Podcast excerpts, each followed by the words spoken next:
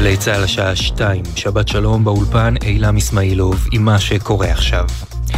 צעיר בן 21 נורה ביישוב דבוריה הסמוך לנצרת, מצבו קשה. כתבנו בצפון, הדר גיציס מוסר כי צוות מגן דוד אדום פינה אותו כשהוא בהכרה ועם פציעה חודרת לבית החולים העמק בעפולה. משלחת חמאס נפגשה בימים האחרונים בקהיר עם ראש מנגנון הביטחון הכללי של מצרים, גנרל עבאס כאמל, כך דיווח העיתון אל-ערבי אל-ג'דיד היוצא לאור בלונדון. מקורות מצריים מסרו לעיתון כי הצדדים דנו בדרכים להוציא לפועל עסקת שבויים עם ישראל, אפילו חלקית. לפי אחת ההצעות תשחרר ישראל 600 אסירים פלסטינים חולים, בתמורה לשחרור הישראלי המוחזק בידי חמאס, הישאם א-סעיד. ידיעה שהעביר כתבנו לענייני ערבים, צ'קי חוגי. ישראל החליטה לשחרר את גופתו של פלאח ג'רדאת, מחבל שניסה לבצע פיגוע דקירה נגד חיילי צה"ל בצומת גוש עציון בתחילת השנה. ג'רדאת, בן 39 מאזור חברון, חוסל על ידי הלוחמים באותו ניסיון פיגוע לפני כחצי שנה, ומאז גופתו הוחזקה בידי ישראל. הבוקר גופתו הוחזרה לידי בני משפחתו, ובהמשך הוא צפוי להיקבר באזור מגוריו. ידיעה שמסר כתבנו לענייני צבא וביטחון, דורון קדוש. אלפי מפגינים בבירת סרי לנקה, קולומבו, פרצו את מחסומי המשטרה והסתערו על מעונו הרשמי של הנשיא, שנמלט מהמקום, באחת מצעדות המחאה הגדולות נגד הממשלה. בתוך כך ראש ממשלת סרי לנקה כינס פגישת חירום של מנהיגי המפלגות כדי לדון במצב ולהגיע לפתרון מהיר. מדינת האי, המונה 22 מיליון תושבים, נאבקת במחסור חמור במטבע חוץ, שהגביל את היבוא החיוני של דלק, מזון ותרופות, והכניס אותה למשבר הכלכלי החמור ביותר מזה שבעה עשורים. דיווחים באיראן על תקיפת סבר סייבר הלילה שפגעה בחברת MCI, ספקית האינטרנט הגדולה ברפובליקה האסלאמית, שנמצאת בשליטה חלקית של משמרות המהפכה. עד כה אין אישור רשמי לכך וגם לא ברורה מידת הנזק. פרשננו לענייני צבא וביטחון, אמיר בר שלום, מוסיף כי הדיווחים ברשתות החברתיות משייכות את התקיפה לארגון מוג'הידין חלק, ארגון האופוזיציה הגדול ביותר באיראן, ומחוצה לה. מזג האוויר לסוף השבוע מעונן חלקית עד בהיר, הטמפרטורות תהיינה ללא שינוי ניכר. לכל מאזיננו ומאזינותינו, שבת שלום, אלה החדשות שעורך יואב מייסי.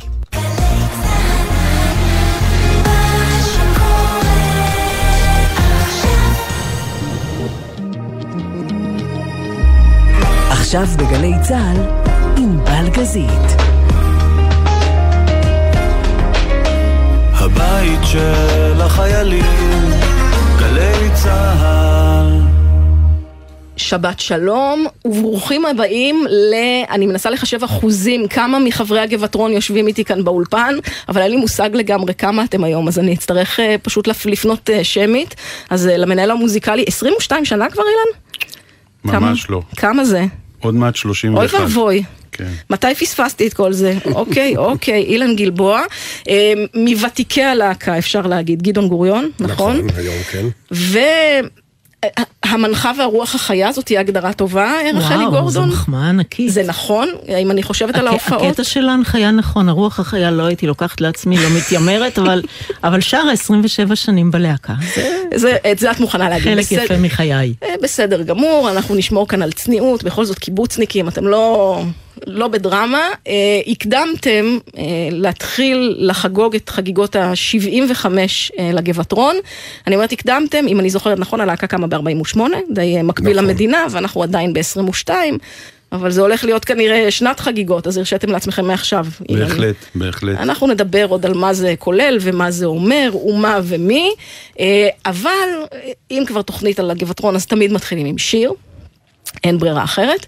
אה, כבת עמק בעצמי, אמנם לא מגבע, מבחינתי אחד השירים הכי מזוהים עם הגבעטרון במובן הקיבוצניקי, הוא כמובן ים השיבולים, שזה לאו דווקא שיר שהוא במקור של הגבעטרון, אבל אתם הפכתם אותו למפורסמים.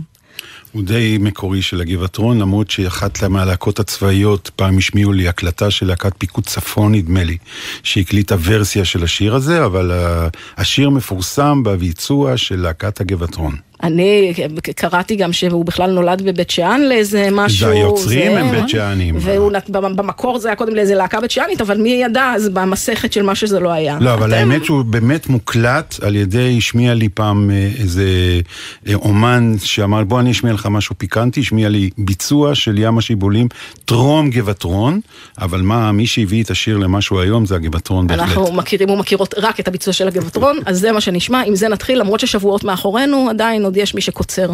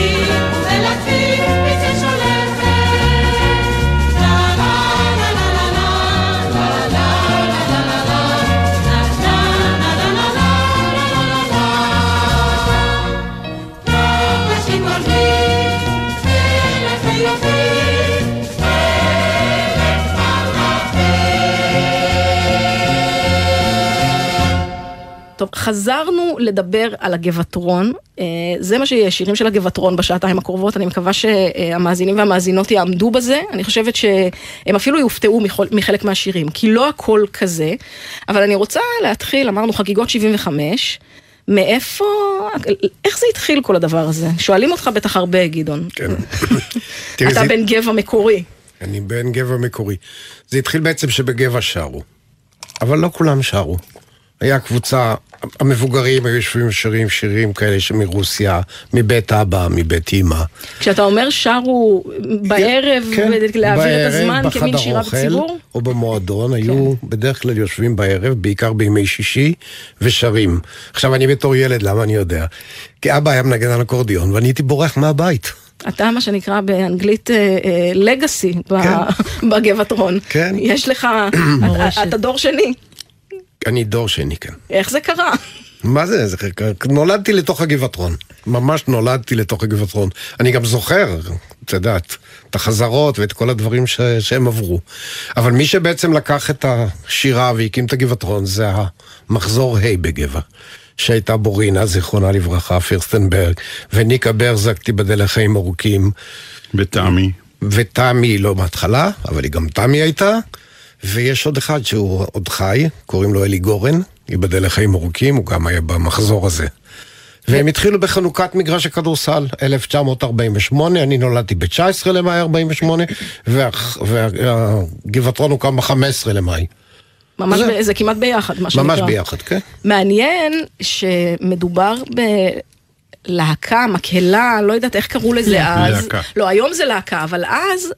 אני חושבת על זה, בכל קיבוץ, בכל, אני מיישוב קהילתי כפרי במקור, תמיד יש את חבורת הזמר הזו, שבאמת אה, מבצעת אה, בטקסים, ימי הזיכרון, חנוכה, לא משנה מה, עושים דברים. אז פה זה היה חנוכת אה, מגרש כדורסל. איך זה הופך להיות דבר אה, מקצועי? זה עוד פעם, זה, גדעון, זה, ותיק ה- אני אספר לכם, אין ברירה. אחרי שקצת התחילו לשיר, ופתאום הכירו את נחום מימן, את נחצ'ה, זיכרונו לברכה, שגר בקיבוץ, שגר בקיבוץ בבית סמוך. אלפא, ובא עם חמישיית גלבוע. הוא בעצם עבד עם הגבעטרון. אחרי זה הם התחילו, היה מופע גדול של התנועה הקיבוצית, קראו למופע עונות. וזה התקיים פה בתל אביב. ואז נחצ'ה אמר להם, חייבים לשיר, זה התנועה הקיבוצית. באים פה עוד אומנים מהתנועה הקיבוצית. ואז אה, ככה הם התחילו. זה היה מופע ראשון. אז אה, התודות לנחצ'ה במובן מסוים. תודות לנחצ'ה, ואני חושב שאם במקרה נדבר עם יואל פרנס, המנהל, אז לפי זיכרוני, אני חושב שהוא גם היה שם, אבל אני לא בטוח. אנחנו נשאל אותו ונדבר בדיוק. איתו. יואל הוא אה, מהפורשים האחרונים יחסית. אה, דיברנו על דור המייסדים, מהם כבר בעצם לא נשאר בלהקה אף אחד, נכון רחלי? נכון. אני יכולה רק להעיד על 27 השנים האחרונות שבהן אני שרה, אבל אה, אם אנחנו מדברים על 74 או 75 שנים, אז נכון, מהם לא נשאר. אבל גדעון, כמו שהעיד על עצמו, 50 שנה. יותר. יותר מ-50 שנה גדעון? מאז סוף 69. סוף 69 לא, לא. הקשבתי טוב כנראה. זה קובי ואני. אוקיי. זה מאוד אה, מיוחד, כי שנינו היינו נחלאים. שנינו אהבנו את הקובי אח שלו, זיכרונו לברכה, בנצי גם שר. ושנינו היינו מין קבוצה כזאת שהיינו, את יודעת, גם הולכים לרקוד, גם אה, סוחבים את הטייפ רקורדר של שאולי קרוזן, המרקיד הגדול. היינו באים בתור ילדים, ואנחנו היינו שמים והוא היה מרקיד. היינו מין אהבנו את הזמר, את המוזיקה, את הריקודים. וקובי ואני נכנסנו ממש באותו יום לגבעתרון. אני כן זוכרת סיפורים של ניקה ותמי, שהם סיפרו שכשהחבר'ה הגיעו לחזרות, הוותיקים והוותיקות בעיקר, אז הקטנטנים שלהם באמת ישנו להם על הברכיים, נרדמו על הברכיים במהלך החזרה. אני רגע רוצה אז אולי לעצור פה, וזאת, אה, אולי זאת שאלה לאילן. זאת להקה מקצועית, שמופיעה ברחבי העולם, היו סיבובים אפילו בארצות הברית, בהחלט. וזאת לא העבודה של אף אחד מהאנשים שעובדים, שיושבים פה. או ההפך, אני עוד זוכר את התקופה שהיום החבר'ה די בפנסיה, מה שנקרא, זה הכיף שלהם לבוא לחזרות. אבל אני זוכר מצבים שהיינו חוזרים באחת, שתיים עם האוטובוס, ואז אברהם, הרפתן. הרפתן היה אומר, אני עוד שעה הולך אה, לעבודה. צריך לחלוב. ואת הפרות לא מעניין שהוא בא, ל... שהוא בא מהופעה. אבל את יורם, אלוני, עד היום. אנחנו חוזרים ויורם בחמש ורבע, קם למ- למוסך. בהחלט, בהחלט. לא להאמין. איך זה מסתדר? זה נורא זה קשה סוג נשמע של, לי. אה, איך אני אגיד, יש להם איזה... אה, זה, זה... מה, איך נקרא לזה? נקרא לזה מסירות ואחריות, אוקיי. ואהבה למה שאנחנו עושים. זאת אומרת, אלה הגדרות של פרס ישראל בעצם. אה, אתם קיבלתם פרס ישראל ב-2007, אז זה הגיוני. על מפעל כן. חיים, זה מפעל החיים. ואנשים מתייחסים לזה כאל מפעל חיים, ואת רואה את המסירות גם היום, ואת רואה שאין יום ואין צהריים, ואין, אה, ואם צריך לוותר על, אה, אה, לעומת, בשביל מטרה מסוימת, אה, צריך לוותר על משהו שקשור לעבודה, וגם אפילו אם אפשר משהו שקשור למשפחה, למרות שתמיד אנחנו אומרים שהמשפחה קודמת לכל, את רואה את המסירות ואת הנתינה של האנשים, וזה ראוי להערצה. אז אני חוזרת לסיפורים של אה, אה, אה, ניקה ותמי. את אומרת שהילדים היו על הברכיים. מתי חזרות קורות בכלל? אתם צריכים להיפגש, אני מניחה, כמה פעמים בשבוע. איך זה הולך? מה הפרוצדורה? זה לא כמה פעמים בשבוע, יש יום אחד בשבוע קבוע, שזה יום שני שאנחנו נפגשים לחזרות, ויש פרויקטים מיוחדים. עכשיו, לעיתים אנחנו גם נפגשים יום שישי עד כניסת השבת, לכמה שעות ככה ברצף, ואם מותר להגיד את זה, אז אנחנו גם לפעמים גם בשבת נפגשים ל- ל- לחזרה שהיא ארוכה, ואז גם כולם פנויים, ולכולם יש ראש רק לזה, ואנחנו מספיקים לפעמים בחזרה כזאת הרבה מעבר לחזרות רגילות. אז, אז איך זה עובד מבחינתך, אה, אה, רחלי? כל הדבר הזה עם החיים עצמם, מה שנקרא. אני, זה עובד נפלא, אני יכולה להעיד על דבר אחד. אני חושבת שהחיים שלי נצבעו בצבע צבעוני יפה יותר מיום הכניסה לגבעתרון. שרתי בחבורת הזמר של כפר החורש וזה מילא את חיי וזה נהדר. מוזיקה היא החיים והחיים היא מוזיקה בשביל מי שמתעסק בזה ואוהב את זה. וזה לנפש ולנשמה וזה ממש כמו השיר לא אל שכר. ממש ככה. אבל מיום שהצטרפתי לגבעתרון, הצבע חדש, הצבע אחר, הצבע יפה. על אף שהשארתי ילדה קטנה בכיתה א', כשנסענו לכל מיני מקומות, ואירועים והופעות, והיא ציפתה וחיכתה, וחזרתי בשתיים בבוקר וקמתי בבוקר לעבודה. מה העבודה אגב? עבדתי בהנהלת החשבונות של המפעל שלנו, מאפייה תורנים אנג'ל. ו- וזה דרש ממני, והחברות שואלות, איך את עם עיניים טרוטות כאלה ממשיכה את, את יום העבודה? אני ממשיכה, כי אכפת לי וחשוב לי, וזה יקר לי, ויקר לליבי, וזה ממלא את הנפש. אז יש אחד שאוסף בולים, ויש אחד שרוקד ריקודם, ואנחנו שרים את שירת הארץ. את אומרת אנחנו, ואני מפרידה פה, גדעון לצורך העניין, בסדר, הוא בן גבע, אבא שלו כבר ניגן באקורדיון, מה היו האופציות? הוא הוסלל לתפקיד. הוא הוסלל, ואני רק יכולה, אה, לא יודעת אפילו למי להודות על כך ש, שמצאתי את המסלול ואת, הגיש, ואת המודעה הקטנה בעיתון של בדיוק, איך. הגעת לזה, והאם זה היה חלום באמת? תשמעי, זה היה חלום שהוא לא כל כך בר, אה, בר, בר הגשמה אפילו, ממודעה קטנטנה בעיתון הקיבוץ. עוד לא היה לי רישיון נהיגה אפילו כשהצטרפתי, ואז אמרתי לבעלי בוא איתי. ניג- ניגש לאודישן, הוא נשאר באוטו, אמר לי, "תיסעי, תלכי תשאירי ותחזרי, אני מנמנם באוטו. ניגשתי, שרתי, ולא כל כך חזרתי מהר, כי אה, לשמחתי רצו בי. והצטרפו עוד שני חבר'ה מכפר החורש, ששרו איתי זמן מה עד שהם מכורח החיים והנסיבות אה, כבר לא איתנו. ו... וזהו, ואלה ובינתיים. הוצאת רישיון ויכולת אה, להגיע לבד לגבע. מיד, אני- דרך אגב, מהר מאוד. אני רוצה טיפה לדייק. כן. עד שאני הגעתי לגבעתרון, שזה אומר לפני 31 שנה, אחת ההתניות היו שכשיואל פרנס הציע לי ל- ל- לקחת תחת חסותי את הניהול המוזיקלי, הוא אמר לי, תראה, יש תנאי אחד, אתה מקבל קודם, קודם כל אלה שהיום בגבעתרון נשארים בגבעתרון, זה אחד, ודבר שני, אתה גם לא מוציא מהגבעתרון. מהגבעתרון, הם מחליטים עצמם, האנשים, מתי הם אה, משחררים את עצמם. זאת אומרת, הוא צמצם את צעדיך כמנהל מוזיקלי. בת- בתחילת הדרך. אבל, אבל, ופה רחלי, זה קצת מתחבר לסיפור של רחלי, אתה עושה אודישנים, מותר, אתה תבחר את האנשים החדשים, שרחלי עברה אודישן אצלי. זאת אומרת, היא 27, זה אומר שאחרי ארבע שנים שאני הייתי בגבעתרון, הייתה לי הזכות לבחון את, אה, לבדוק את רחלי, בואי נגיד. להיפגש עם רחלי. והיו גם כאלה שבאו לאודישנים שלא קיבלנו אותם. עכשיו, השיקולים הם לא תמיד אה, רק אומנותי, אה, רק מוזיקליים. יש גם שיקולים חברתיים, יש גם שיקולים שאנחנו רואים אם בן אדם, בתחושה שלנו, יכול, המשק... הגבעתרון זה, זה משפחה. רגע, אני- אני רוצה להבין, אתה מעביר אודישן מישהו כי הוא נראה לך חברמן ויהיה כיף איתו? לא, אני מעביר קודם כל אם הוא מתאים מקצועית, ואז הוא עובר את הקטע שיואל הולך איתו לשיחה בצד, מה שנקרא, ובודק את כל הדברים שלפי חושיו הוא מרגיש אם הבן אדם יכול להתאים לנו, וברוב המקרים אנחנו, אני לא רוצה להגיד בכל המקרים, אבל די הצלחנו. כן, בזה אין ספק, אחרת לא היינו מחזיקים אה, 75 שנה, מה נכון. שנקרא, לא כקהל ולא כלהקה. נכון. אה, זה בטוח. טוב, אה, דיברת גדעון על העובדה שהמקור היה ההוואי בגבע, עם השירים, שירי עם בדרך כלל רוסיים, אין מה לעשות, אה, קיבוצניקים משם פחות או יותר הגיעו. אה, יש לנו את אה, מחרוזת קלינקה, שזה להיט עד היום. אתם עושים את זה אנשים על הרגליים. אז אה, אנחנו נשמע את השיר הזה ונחזור לדבר.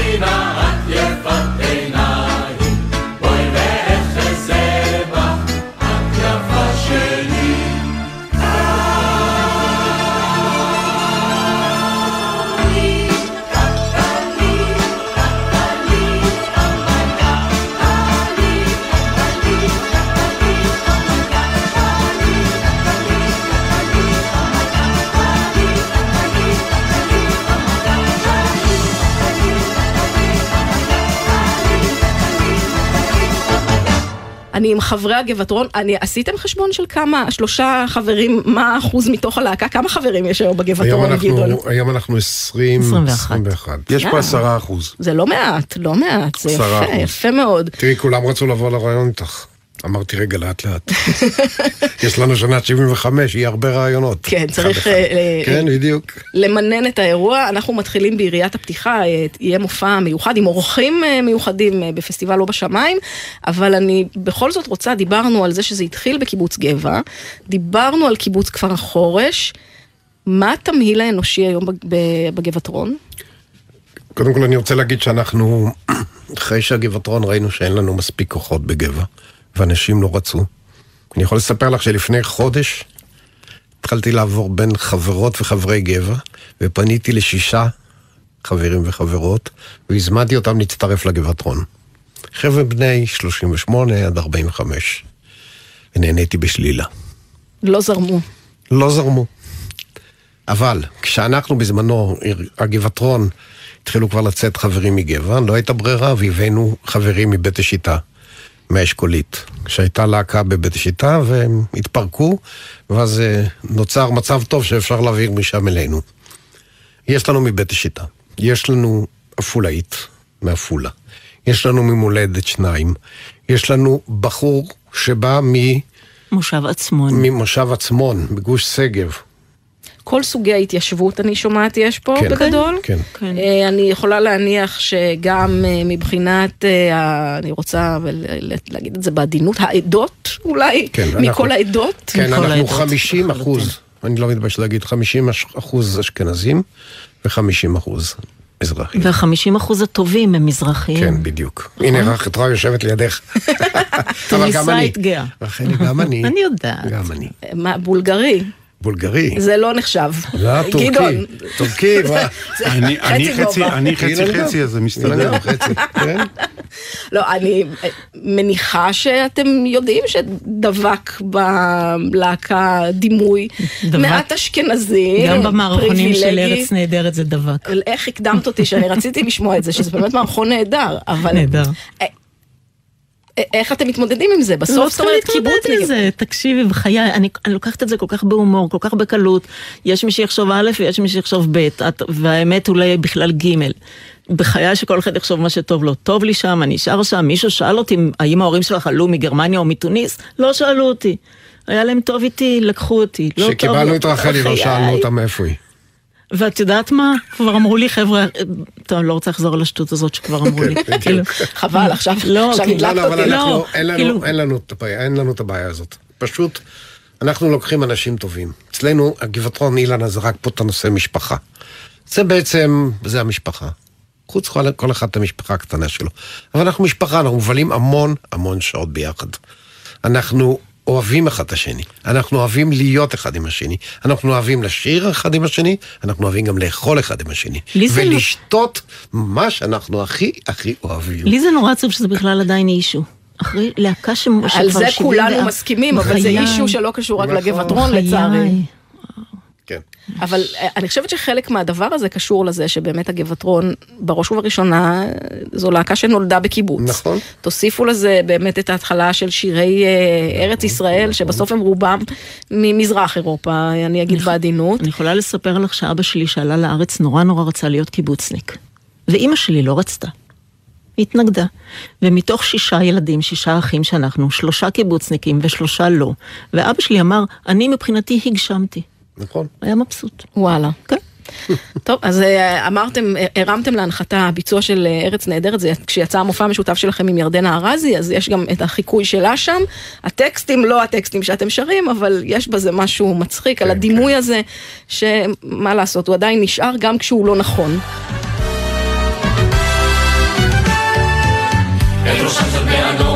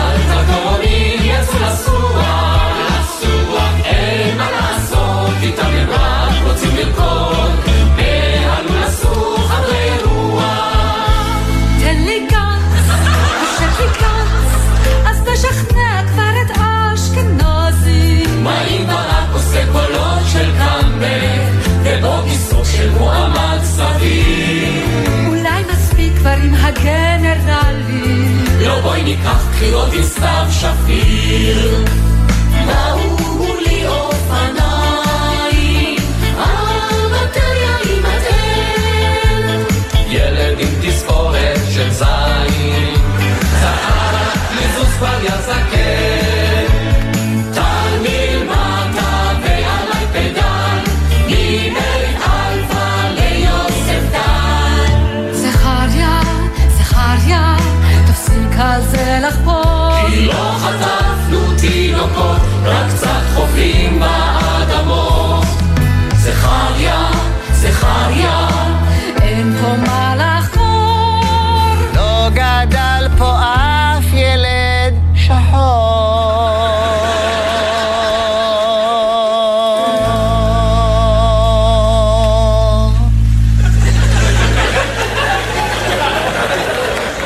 הבן של פרויליך המשותק ואשתו העקרה, מה? אה.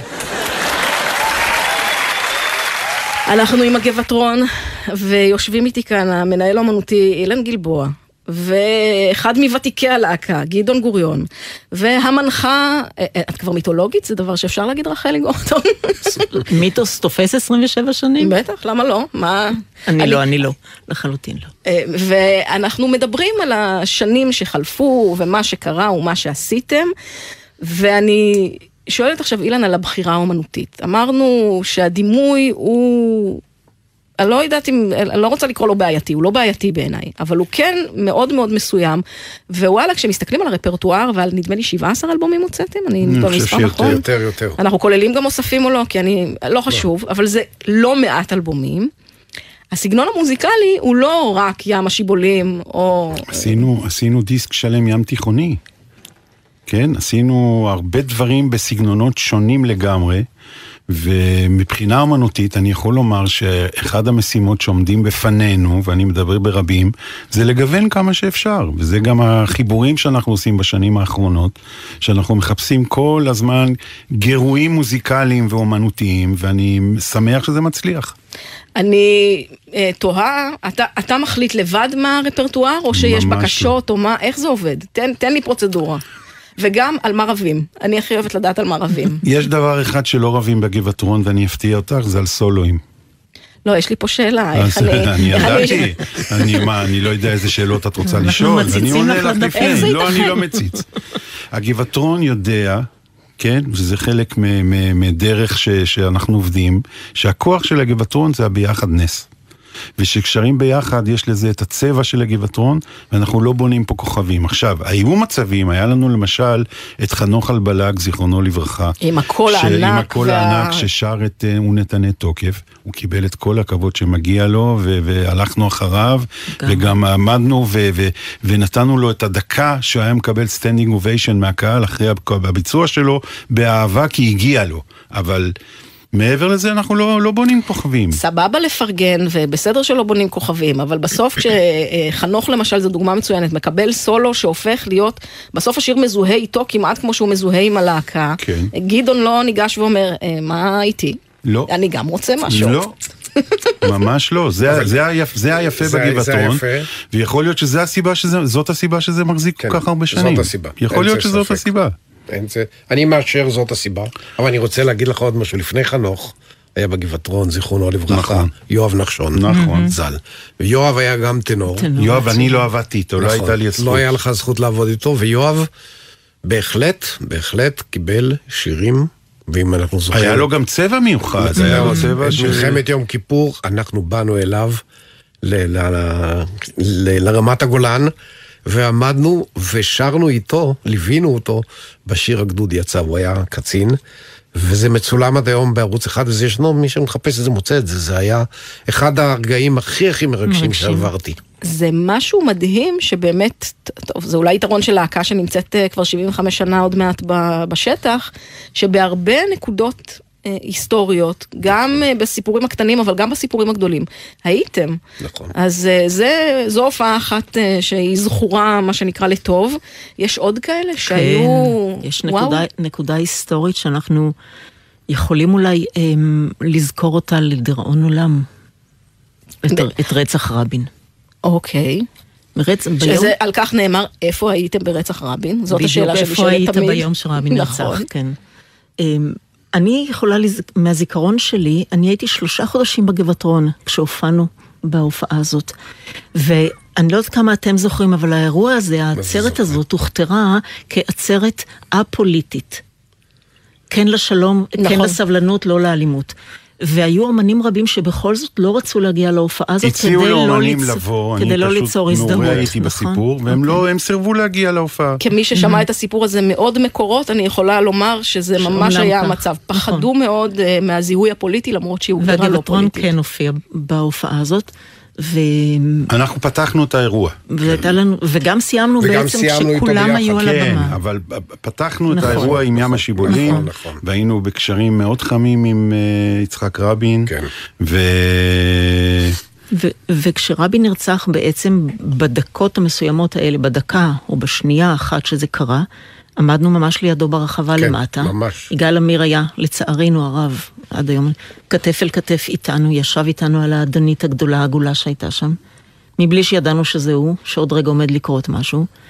וחלק מאיתנו עד יומנו האחרון ניקח את המבט האחרון של יצחק רבין כשהוא חלף על פנינו, ושנייה אחרי זה הוא נורא. נכון. זה נשמע מטלטל. זה אכן היה מטלטל.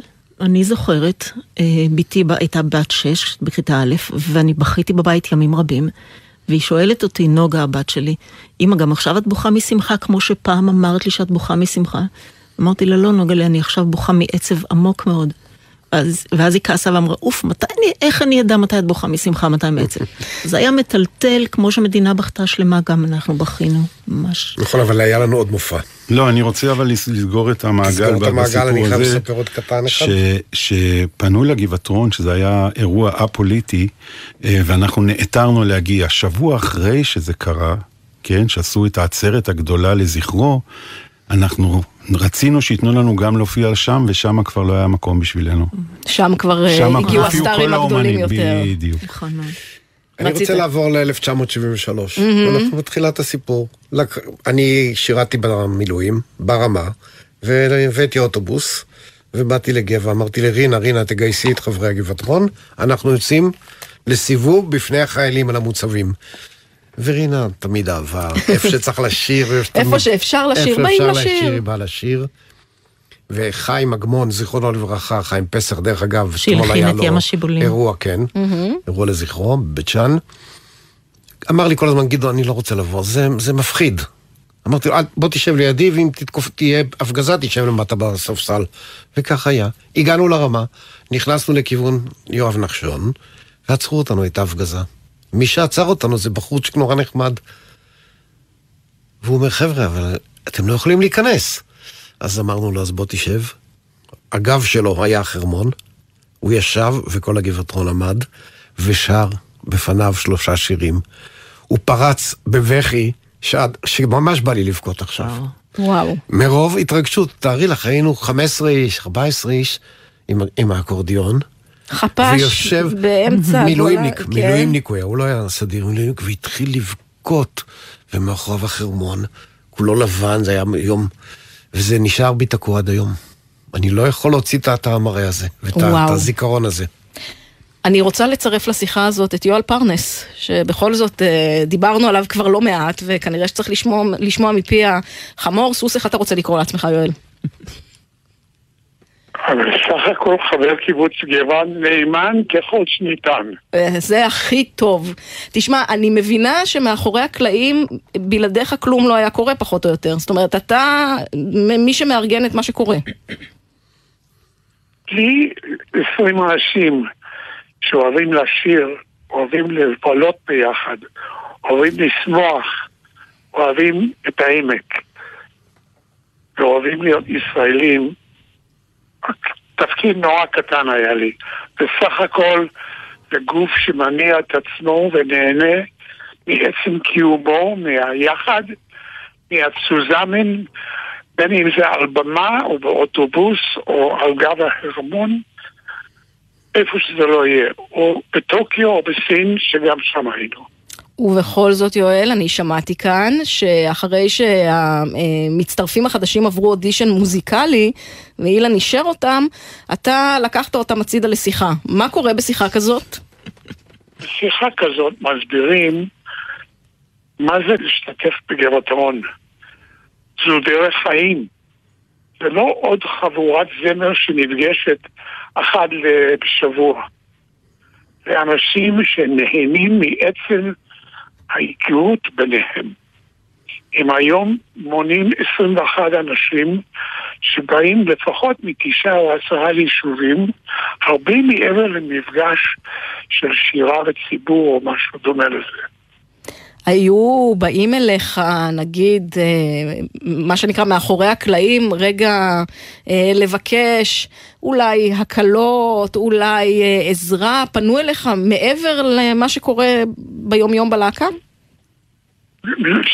ממש לא. במסגרת הכי מצומצמת שיכול להיות אם מישהו לא יוכל להיות בהופעה בעוד חודשיים, אם אפשר לקחת בחשבון, מכיוון שהנכד או הילד, בר מצווה או משהו, אין. יש התחשבות, יש הבנה, ויש דיבור, יש פשוט אנשים שלא הכירו אחד את השני. הגבעים הם בסך הכל חמישה מה-21 אנשים שמשתתפים. הם אומנם חמישה מאוד מאוד משמעותיים, אבל הם חמישה במספרם, היתר רובם כמעט ולא הכירו אחד את השני. חוץ מקבוצה שהצטמצמה כרגע, חמישייה שהגיעה מבית השיטה, שהם בעצם נותרו רק uh, שלושה מהחמישה המקוריים. אז חלק מהתפקיד שלך, יואל, אה, עד שפרשת עכשיו, זה היה מבחינתנו בשורה מאוד אה, מטרידה.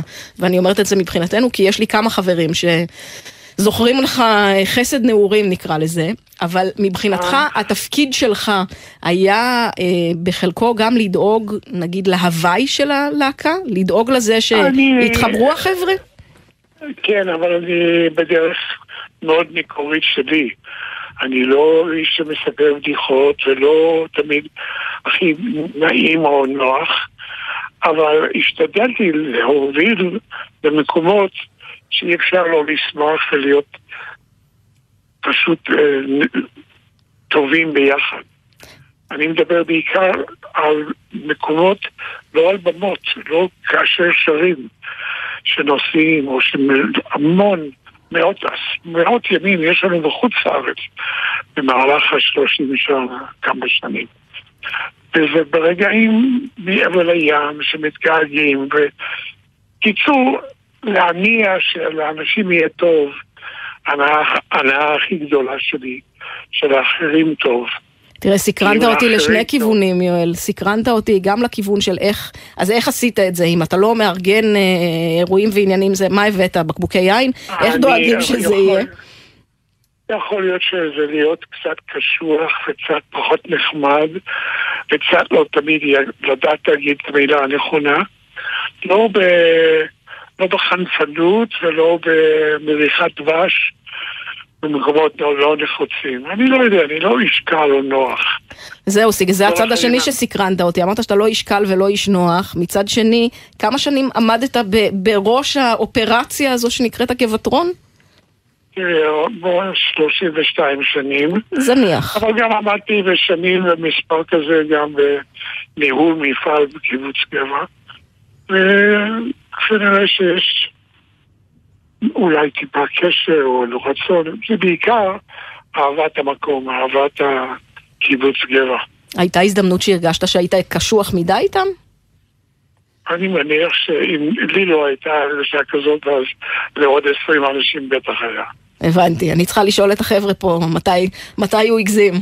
יש לכם תשובה לדבר הזה, או שבסוף, יואל, אין מה לעשות? זה היה אה, דבש ו- ו- ומכה והכל היה בסדר. גם הגזר וגם המקל. אני חושבת שזה קצת כמו, כזה. זה קצת כמו אה, המשפט הזה של, אה, שאומרים על חינוך טוב של הורים שונא, שונא, אה, חוסך שבטו שונא בנו, זאת אומרת, את מצפה ממנהל שלא רק, כמו שהוא אמר, לא רק ימרח הכל בדבש, לא הכל נורא יפה, הוא צריך להראות גם סמכותיות ומרות, והוא עשה את מה שנדרש. מנהל, לא הכל קל בחיים של מנהל. עכשיו אמרתי, יואל החליט לרדת מתפקידו, הוא מסיים את הדבר הזה וכבר לא מלווה אתכם. מי נכנס לנעליים הענקיות האלה? תן, תן מילה, גדעון, מה קורה? עכשיו אתה תצטרך להיות קשוח. קודם כל, אם יואל שומע, אז אני מאוד אה, שמח לשמוע את קולך, ואני מאוד מאוד שמח, לא רק אני, אני בטוח שגם אילן ורחלי. לגמרי. אה, באמת, אפילו מתרגשים לשמוע אותך איתנו ברעיון הזה. ואני רוצה להגיד לך בשם כל הגבעטרון, ואתה יודע מה, אני אגזים. בשם אוהבי הזמר העברי, המון תודה רבה על המון שנים יפות שהובלת אותנו. נעים לי לשמוע, תודה לכם, ואני מאחל לכם פשוט להמשיך, לא לעצור ולא להפסיק, ולהמשיך לזמר ולבלות, אה, לגרום רק לטוב לחלק די, חלק די חשוב של מדינת ישראל. לא רוב, אבל חלק שיש לו המון משמעות, גם את שמראיינת אותי וגם ודאי לשלושה אנשי הגבעתון שיושבים איתך. יואל פרנס, תודה רבה על השנים ועל השיחה הזו, ואני בטוחה שתמשיך לשמוע את הגבעטרון, גם אם אתה כבר לא מסתובב איתם באוטובוסים. אין צל של ספק, מודה לכם ותודה. תודה רבה, להתראות. טוב, אנחנו נצא להפסקה מוזיקלית קצרה, כי אה, אכלנו את הרס, כמו שנהוג לומר אה, בדור שלי. אה, למי אכפת מה שיהיה? את- אני עוד זוכרת אה, אה, את המערכון שעשו מבוסס על השיר הזה בסיבה למסיבה, כן? נכון. טוביה צפיר, רבקה למיכאלי, אני מגלמים את דווקא כל כשאת השם. אומרת למי אכפת מה שיהיה, זה כרגע מזכיר לי את יורם טרלב. וואלה, דבר איתי על זה.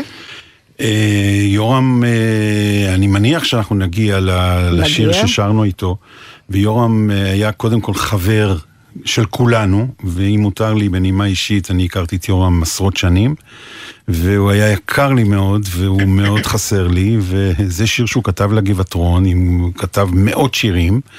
ו... ואני חייב, אה, אני חושב שחייבים לספר שיורם אה, החליט, הייתה לו איזו תחושה כנראה, אה, שהוא רוצה להקליט שיר עם הגבעטרון, שהוא רוצה לשיר. ואני זוכר שאני, אה, כאחד שמכיר אותו ואף פעם הוא לא שר, אמרתי לו, יורם, אתה בטוח במה שהוא אומר? אני אומר, לא רק שאני רוצה לשיר, אלא אני גם אגיד לך באיזה בתים אני רוצה לשיר סולו. וכשהייתי צריך לשכנע אותו לפעמים שזה לא הגיוני שהוא שר עם הגבעטרון ובעצם הוא שר לבד, צריכים גם לתת לגבעטרון טיפה להתבטא בשיר. היו לנו קצת ויכוחים אה, מקצועיים, ואני קודם כל שמח עם התוצאה. אני יודע שיורם היה מאושר מהתוצאה, זאת אומרת, הוא היה בכל הזדמנות, ויצא לנו להיפגש ממש לפני שהוא הלך מאיתנו.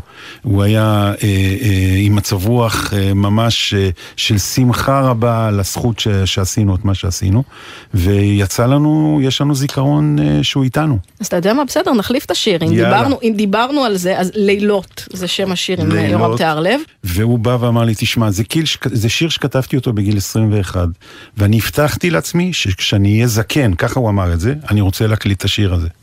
הוא זכה לזה שהוא שר את השיר, והוא הוא עמד על זה שלמשל הבית הראשון הוא רוצה לשיר לבד, הוא לא רוצה שיפריעו לו שם, הוא רוצה להגיד את מה שיש לו לומר.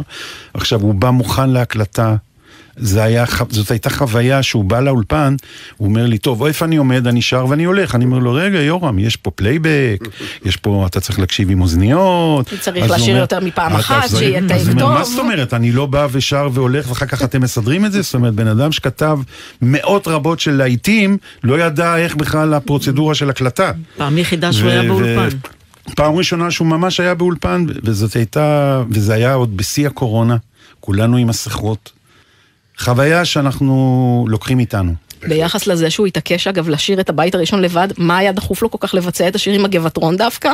זה מה שהוא החליט, זה עשה לו טוב, כי יש שם עמק יזרעאל בשיר. הבית האחרון, וזה היה כן. חשוב לו שזה יהיה הגבעטרון, ואני גם חושב שהוא לא כך טעה שהוא רצה לשיר עם הגבעטרון. אני לא חושבת שהוא טעה, וגם בכל זאת, גם הוא קיבוצניק, אבל אם לא יעזור. אם ישמעו את השיר עכשיו, אז באמת כדאי לשים לב למילים של הבית האחרון, שהן גורמות לנו גאווה ואיזשהו... אה, קצת מנכסים לעצמנו את השיר הזה בזכות המילים של הבית האחרון. אנחנו לוקחות את זה בשתי ידיים.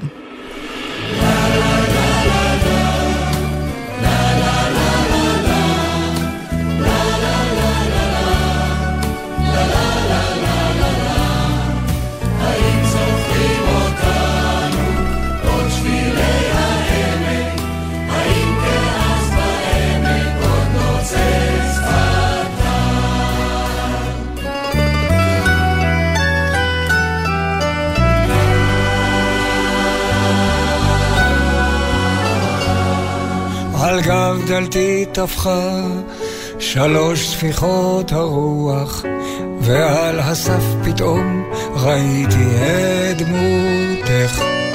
דורות חלפו מאז, ועוד ביתי פתוח, ועוד לילי הורג לשוב ולראותך. על הספה תשבי, מי חם התה רותח, ומן הרחוב עולה שעון של אור בעיר, ורק בחלוני הברוש כפו שולח, שורטת הלבנה כמו את ליבי השיר.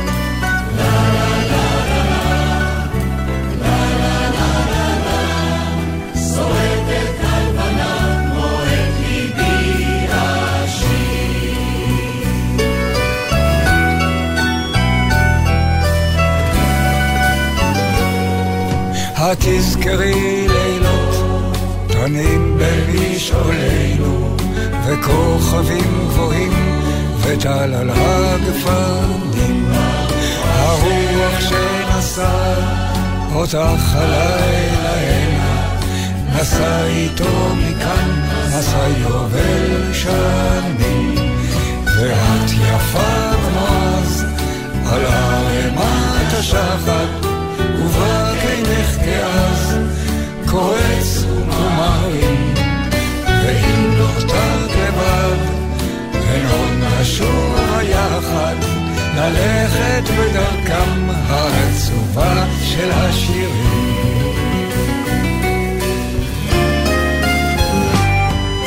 אשוב אל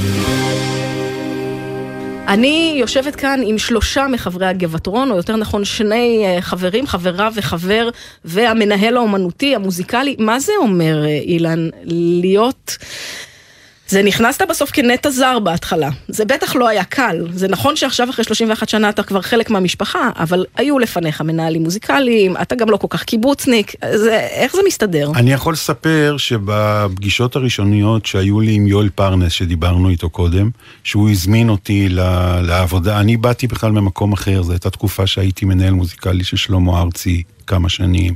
עבדתי עם להקות אה, מסוג אחר של מוזיקה, והוא אומר לי, בוא תעבוד עם הגבעתרון. אמרתי לו, תראה, אני מוכן לבוא לשמוע, אני מוכן לבוא להתרשם, אבל אני אומר לך רק דבר אחד מראש, אני לא הולך להופיע איתם על הבמה. זה היה התנאי שלי. ובאנו, ואחרי חזרה אחת, עשינו מהפכה כזאת שפשוט הגבעתרון עד אז הופיע עם פלייבקים ועם כל מיני אה, reverbים ו- ו soundים כאלה מלאים באפקטים של אקו וזה. הורדנו את כל, אה, הפכנו את זה למופע אינטימי של פסנתר והגבעתרון. ומאז אה, קרו, זרמו הרבה מים. ומאז הוא על הבמה. כן, זהו.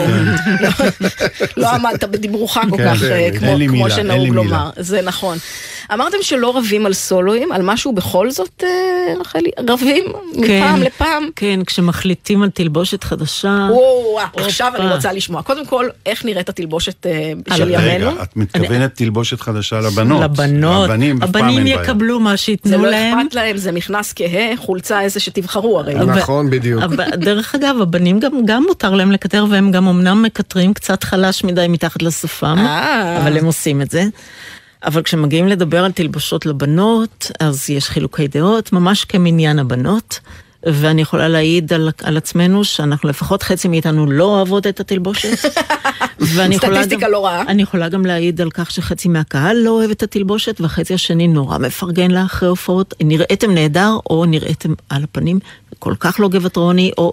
אז בקיצור, יש דעות מאלף עד תו. כן, ממש. כמניין האנשים, כך מניין. הדעות. רגע, אבל היות שזה רדיו, בכל זאת צריך להסביר איך הגבעתרון, אה, מה התלבושת היום, איך זה נראה. היא כבר לא אותה תלבושת אה, חולצה רוסית קלאסית עם צווארון על הצד, או רקמה, או... הרקמה, איך אהבתי את הרקמה, גם כן. אני אהבתי, אבל מה לעשות. זרמנו קדימה. אז אנחנו. קצת עם יותר פייטים נצנצים, ולחלק מאיתנו קשה עם זה. זה למה? אם מותר לשאול. כי, כי קודם כל זה מתנגש עם אופי אישי של אדם, שאולי ב- במלתחה הפרטית שלי אין לי נצנץ, פייט נצנצי. תגידי תודה שלא לקחו מנומר, אבל בסדר, כן. לא היה קורה, לא הייתי עולה עם נמר על הבמה. בחיי שלא הייתי עולה עם נמר על הבמה.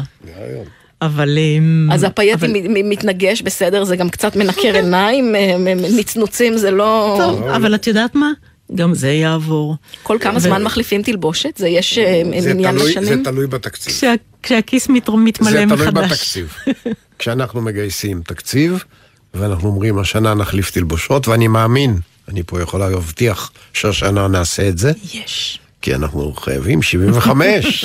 צריך כל תלבושת 75 חגיגית. שנה נחליף לכם תלבושת, זה. נחמד.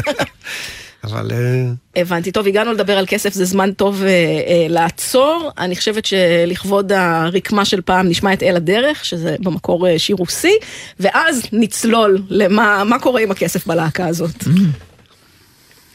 הגבעתרון היא... במובן מסוים סוג של תחביב עבור חבריה. זאת אומרת, יש לכם עבודות, אתם עושים דברים אמיתיים בחיים, פעם בשבוע יש חזרה, לפעמים יש הופעות, הבנתי את זה, מעולה. איך מתקצבים ומתמחרים את הדבר הזה? תראי, אמ, קודם כל הגבעתרון שייך לגבע.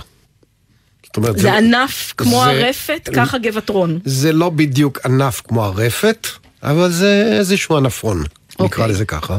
עלה, עלה. עלה.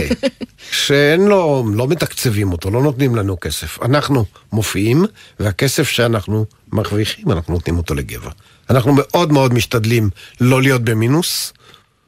כי זאת אומרת, אופן- אגב, אם דיברנו על אנשים שמגיעים כמו רחלי מכפר החורש, או מי שמגיעה מעפולה, לא רואות שקל מהדבר הזה, זה הולך לקיבוץ. גם לא רוצות לראות שקל. אין, אין בסדר. תשלום עבור שירה, עכשיו תהיה עזרה בדלק לכולנו. לא, אבל, אבל זו מה בשורה, שאת... זה סקופ שאני קיבלתי? את קיבלת בשורה? סקופ עכשיו, כן, כן. אבל מה שאת וואו. שואלת זה נכון, כי זה באמת אחד הדברים שהם הם מספרים למי שעבר את האודישן המוזיקלי כבר בהתחלה, שידע מהם כללי המשחק.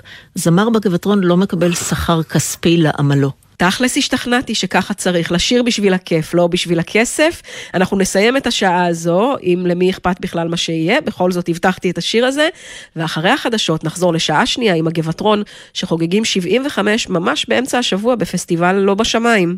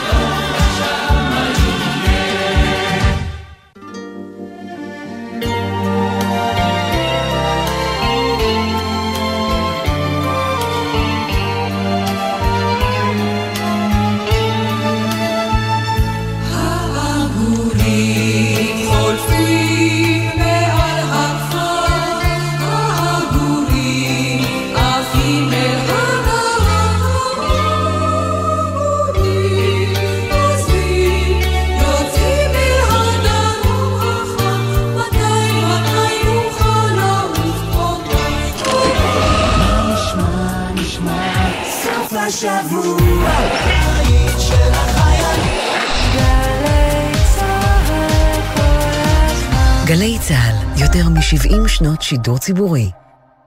אני לעולם לא אשכח להכין בבוקר לילד את הכריך לבית הספר. אני אף פעם לא אשכח להכין עם הילדה את השיעורים בחשבון. אני אף פעם לא אשכח את התינוקת שלי ברכב, וזה פשוט לא יכול לקרות לי. אל תגידו, לי זה לא יקרה. שכחת ילדים ברכב יכולה לקרות לכל אחד ולכל אחת מאיתנו. לפני שיוצאים מהרכב ונועלים אותו, מוודאים שכולם ירדו ושלא שכחנו אף אחד. להמלצות בנושא חפשו בגוגל אסק רלב"ד. אתם מאזינים לגלי צה"ל.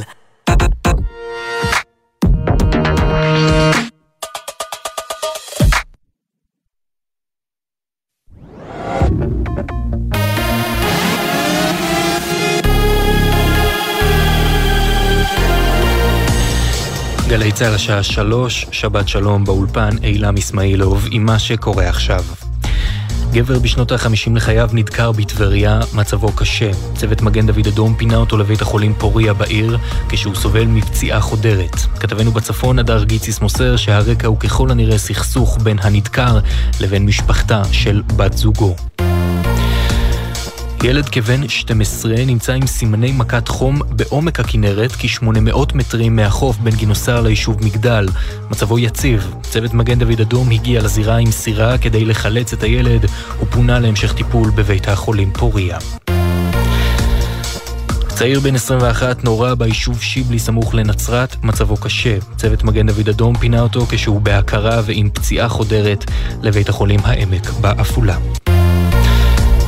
נער בן 14 תושב הצפון חולץ על ידי יחידת החילוץ המשטרתית ו-669 לאחר שנחבל ברגלו בעת שרכב על אופנוע שטח בנחל סמך סמוך לקיבוץ קשור בדרום רמת הגולן. הנער פונה לבית החולים זיו בצפת להמשך בדיקות וקבלת טיפול. משלחת חמאס נפגשה בימים האחרונים בקהיר עם ראש מנגנון הביטחון הכללי של מצרים, גנרל עבאס כאמל, כך דיווח העיתון אל-ערבי אל-ג'דיד היוצא לאור בלונדון. מקורות מצריים מסרו לעיתון כי הצדדים דנו בדרכים להוציא לפועל עסקת שבויים עם ישראל, אפילו חלקית. לפי אחת ההצעות תשחרר ישראל 600 אסירים פלסטינים חולים, בתמורה לשחרור הישראלי המוחזק בידי חמאס, הישאם א-סייד.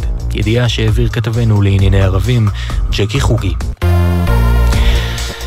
אלפי מפגינים בבירת סרי לנקה, קולומבו, פרצו את מחסומי המשטרה והסתערו על מעונו הרשמי של הנשיא שנמלט מהמקום באחת מצעדות המחאה הגדולות נגד הממשלה. בתוך כך ראש ממשלת סרי לנקה כינס פגישת חירום של מנהיגי המפלגות כדי לדון במצב ולהגיע לפתרון מהיר. מדינת האי, המונה 22 מיליון תושבים, נאבקת במחסור חמור במטבע חוץ שהגביל את היבוא החיוני של דלק, מזון ותרופות והכניס אותה למשבר הכלכלי החמור ביותר מזה שבעה עשורים. בעוד כשעה ייפתח גמר ווימבלדון לנשים, בו תתמודד אונס ג'אבור נגד אלנה ריביקנה, רב... ריבקינה בלונדון. כתב חדשות הספורט מעיין קלמנסון מוסיף כי ג'אבור המדורגת שנייה בעולם היא הטניסאית הערבייה הראשונה שמגיעה לגמר ווימבלדון. מזג האוויר אצלנו לסוף השבוע מעונן חלקית עד בהיר, הטמפרטורות תהיינה ללא שינוי ניכר. לכל מאזיננו ומאזינותינו, שבת שלום, אלה החדשות שעורכת עינב קרנר.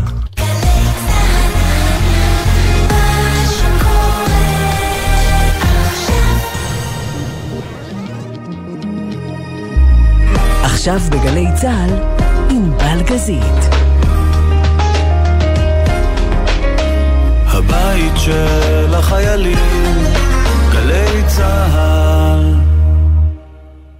שעה שנייה עם נציגי הגבעטרון, יושבים איתי עדיין רחלי גורדון, גדעון גוריון והמנהל האומנותי של הגבעטרון, אילן גלבוע.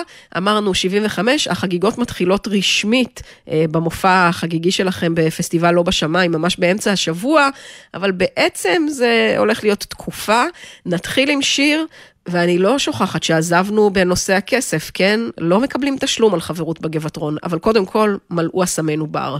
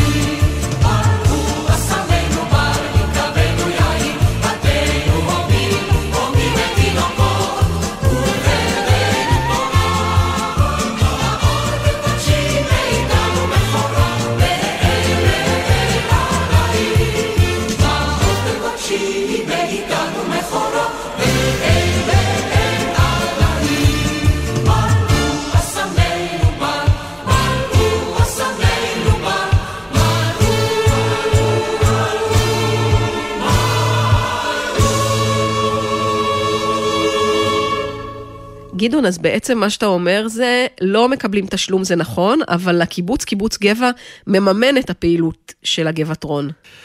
בסך הכל אנחנו באמת משתדלים להיות מוזנים ולא להיות תלויים על הקיבוץ, בעיקר שהיום גבע חודש בראשון לשביעי הופרטה. זה שאלה. זה דרמטי. זה סקופ למדינת. ישראל. אחר מאה שנים אנחנו חוגגים מאה. לצערנו זה קורה בהרבה קיבוצים, אז... אה, אנחנו אצלנו זה אחרי מאה שנים. אנחנו השנה מאה שנים לגבע ו- להקמה. רגע, זה הפרטה עכשיו, אה, הפרטה עד הסוף, או שרק הפריטו את הגבינה צהובה, לא, כמו לא, שהיה לא, נהוג לא, ב... לא, לא, לא, לא, זה הפרטה מלאה. אוי ואבוי. אבל היא, הפרטה מיוחדת. היא מאוד דואגת לחלש ולמי שצריך עזרה, מאוד מיוחדת. אבל מבחינת הגבעטרון, אני מקווה ואני מאמין שהגבעטרון ימשיך להיות של גבע, כי הוא של גבע. ואנחנו נעשה כמיטב יכולתנו. מותג של גבע. זה מותג של גבע, זה לא. אין שום בעיה. אז הכסף שנכנס מההופעות, אני לא שואלת על מחירים, כן. כי אתם יודעים, זה גם משתנה, וזה תלוי. הכסף שנכנס- התקציב ליום העצמאות הוא תמיד יותר גדול מהתקציב לסתם אירוע, זה לא חשוב, אבל הכסף שנכנס מושקע חזרה בגבעטרון. זה זה לא הרבה שהגבע. מרוויח- שגבע לא, לא, מרוויחים לא, על לא, לא. הוא העבודה שלכם. כמובן שהוא מושקע, כמובן שיש קודם כל צריך לשלם את כל ההוצאות, וההוצאות בגבעטרון הן הוצאות, זה גוף גדול. גם לא נוסעים ב- ב- ב- עם סוס ועגלה כבר, צריך אוטובוס. ואחד הדברים החשובים בעצם זה לדאוג לחברים שיהיה להם הבונוס שהחבר מקבל, חוץ מסנדוויץ' עם נקניק או עם גבינה אחרי הופעה. והחולצה היפה עם הפייטים. והחולצה היפה עם כן. הפייטים. אנחנו גם משתדלים, כמו שיואל תמיד דאג לעשות את זה, לקחת את הגוף הזה מעבר לים. ולתת לו, זה, זה, זה צ'ופר גדול, זה לא עולה לחברים כסף. נכון. זאת אומרת, מסע הופעות, נגיד בארצות הברית, הוא משהו שממומן לגמרי על ידי ההכנסות של... אה, לא, הוא? ממומן, לא. על ידי סליחה. הכנסות מההופעות. הכנסות כן. מההופעות. וגם מהתקציב. כן. מה- מהקיבוץ. אבל אני רוצה לספר לך שאנחנו עכשיו הגענו למשהו חדש. מכיוון שאנחנו די כבר uh, גמלאים, וגילינו שאנחנו גם את גיל הזהב, אז התחברנו לחברה בישראל שנקראת בשביל הזהב, מהמם. ואנחנו נוסעים איתם שייט בנהרות, היינו בדנובה, ואנחנו שרים שלוש, ארבע הופעות בפני האורחים, שכל האורחים הם ישראלים אוהבי זמר. וזה נקרא שייט וזמר עם הגבעטרון. בואנה, זה, זה, זה לגעת הסקופ, במעריצים. זה הסקופ. זה זה- בארטר מארץ החלומות. זה, זה, זה הסיפור, ואנחנו, החבר'ה נורא מרוצים, וטוב להם, כמובן גם לי, שהצלחתי למצוא בחור נחמד, באמת, שמוכן ללכת לא, את הזמר תחשבי על זה. שהקהל שישב וראה את הגבעטרון, למחרת אוכל איתו ארוחת בוקר. כן, ב- כן, זה, אני לא הייתי שמחה על דבר כזה, אבל אתם כנראה נהנים. לא, זה נורא נחמד, מביאים לנו עוד, אה, עוד כיבוד, עוד מה שנשאר להם. אבל בעיקרון זה בעצם, זה, קיבוץ גבע. אני מקווה שימשיך, ואני אומר את זה שישמעו כולם. קיבוץ גבע זה הבית שלנו, וזה האבא והאימא של הגבעטרון. מזה 75 שנה, ואני מקווה שזה ימשיך עוד 75 שנה. ואני אינשאללה. אומרת גם כמישהי שלא מגבע, שכשאנחנו עומדים על הבמה, באיזשהו מקום אתה מרגיש שאתה חובש את הכובע של הגבעטרון, של הוותיקים של פעם, של הקיבוץ, של קבוצת גבע שיש לומר, ויש פה גאווה גדולה מאוד, באמת לייצג את, ה, את הקבוצה הזאת. זה נשמע מדהים. אני רוצה לשמוע את הסיפור על בת 60. אחד הלהיטים הכי גדולים שלכם, זכה לחידוש בחגיגות ה-60 לישראל, כבר נהייתם הכי מגניבים שיש, זה כבר נהיה ראפ, הכל מדהים, אבל אה, השיר הזה, כמו כל דבר אה, בגבעטרון, התחיל אה, הרבה יותר בקטן, אם אני מבינה נכון. תראי, שניהם לא היו, אז אני יכול להגיד. הם בטוח מכירים את הסיפורים, אני הרי מכירה את ניקה, היא סיפרה את זה עשר פעמים. אבל אני לא יודע מה ניקה סיפרה, אני אספר מה אני זוכר. בבקשה. דידי מנוסי הוא בן גבע, וקובי אושרת רצה להיות בן גבע אבל לא הצליח, הוא נשאר בתל אביב. רגע, מה? זה סיפור טוב. את רואה? לא, לא, אני צוחק. היי קובי. ויואל פרנס, שכרגע דיברנו איתו, הוא היה אחראי על חג השישים של גבע. והוא פנה לדידי, ופנה לקובי, והם כתבו את השיר לחג השישים. דרך אגב, גם יואל היה אחראי על חג החמישים, שגם אותו עשינו, זאת אומרת... רק נוצר- שמשם לא נשאר לנו שיר שאנחנו יודעים שהוא קשור לזה. נשאר לנו איזה שיר שאילן לא, כתב. הוא לא כך, לא, היה שיר חמישים. שיר חמישים היה. גם נכון. כתבו אה, דיזי. גם דידי וקובי אושרת. נכון. אבל בחג השישים זה היה השיר. לא כל השירים תופסים. נכון. מה לעשות? נכון. והשיר הזה באמת, אה, כמו ששמענו אותו בהתחלה בחזרות, ודידי שהוא היה בא ל- לחדר אוכל, לחזרות, הוא לא בדיוק היה בא לגבעתרון, היה מחפש איפה יש קצת לכרסם, לאכול, משהו. שם במקרר, אימא שלו, זיכרונה לברכה, עבדה שם ותמיד דאגה לו. ולמדנו את השיר הזה והתחלנו לשיר, וזה מצא חן בעינינו, ובמופע עצמו, זה היה שיר שגם התפתח וגם סיים, ובאמת, נתנו לו הרבה כוח. היה לפני ההדרן ובתור ההדרן, זה שיר, ש... שיר מאוד- שכולם אה, יודעים ויודעות לשיר. כן. מה כל כך מיוחד בו, אילן? הוא תופס, הקצב שלו והמנגינה מאוד קליטה, ונוח לשיר את המילים של הפזמון. למרות שהיה שנים שלא הבינו מה זה אמיתיתי, או אמיתיתי, כן? אבל יש... וקשה להגיד שחברי הגבעתרון, הבעיה שלהם זה דיקציה. דווקא את המילים די כן, מבינים בדרך כלל. אבל יש עוד דבר למה הוא תפס בשנים האחרונות. כי ביום חגה ה-60 של מדינת ישראל הוא זכה מעבר לעדנה מחודשת. כן, כן. לא, היא שאלה עוד לפני. עוד קודם, כי השיר היה להיט מאוד גדול, מהמם. וזה לזכותם של היוצרים.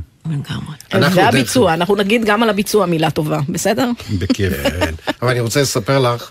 את משמיעה את המקור. בוודאי, אוקיי. בוודאי. אבל לפני שאת אנחנו משמיעה- כאן בשביל המקור.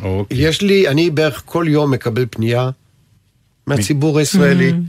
אימא שלי בת 60, אבא שלי בן 60, אתם מוכנים להקליט ולשיר, אתם מוכנים זה. זאת אומרת, אנשים לא מתייחסים לזה שזה לא נכתב לאישה, או או זה נכתב כן. לקיבוץ. לקיבוץ.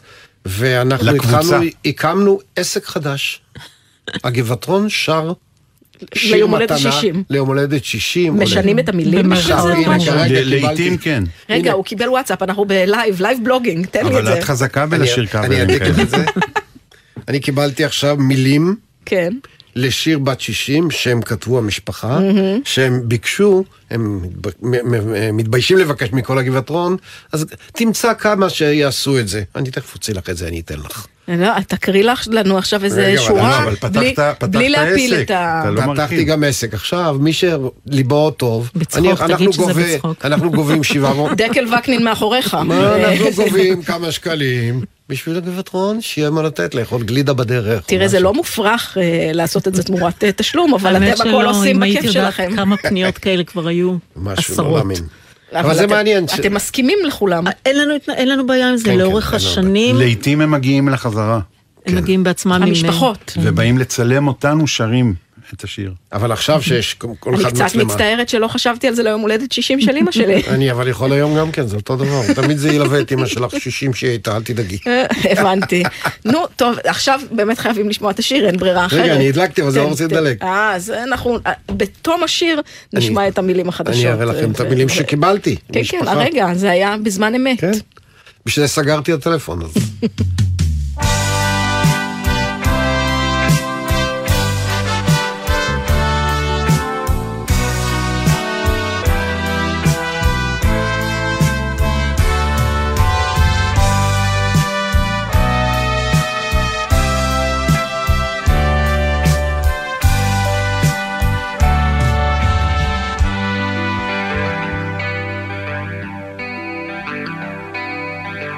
את ראשו של הגלבוע מישהו צבע אדום.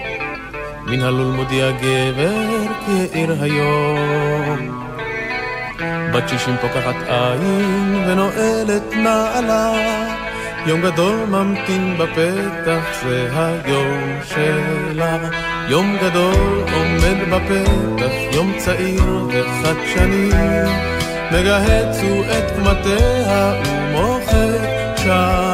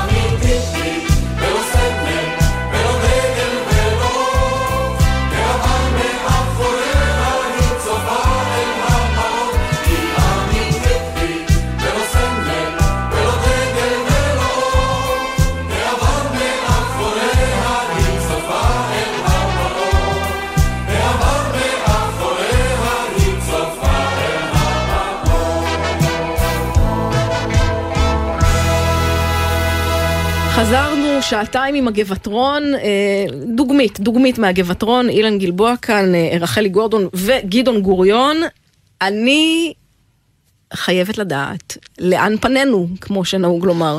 זאת אומרת, בסוף חלק מהמשמעות של להיות אה, חלק מלהקה שמחזיקה מעמד 75 שנה, ה-75 הזה רק מתחיל עכשיו, זה בעצם תהיה שנת חגיגות, אני מנחשת. צריך להשתנות, להתאים לזמנים, להתעדכן, ל... לא יודעת מה.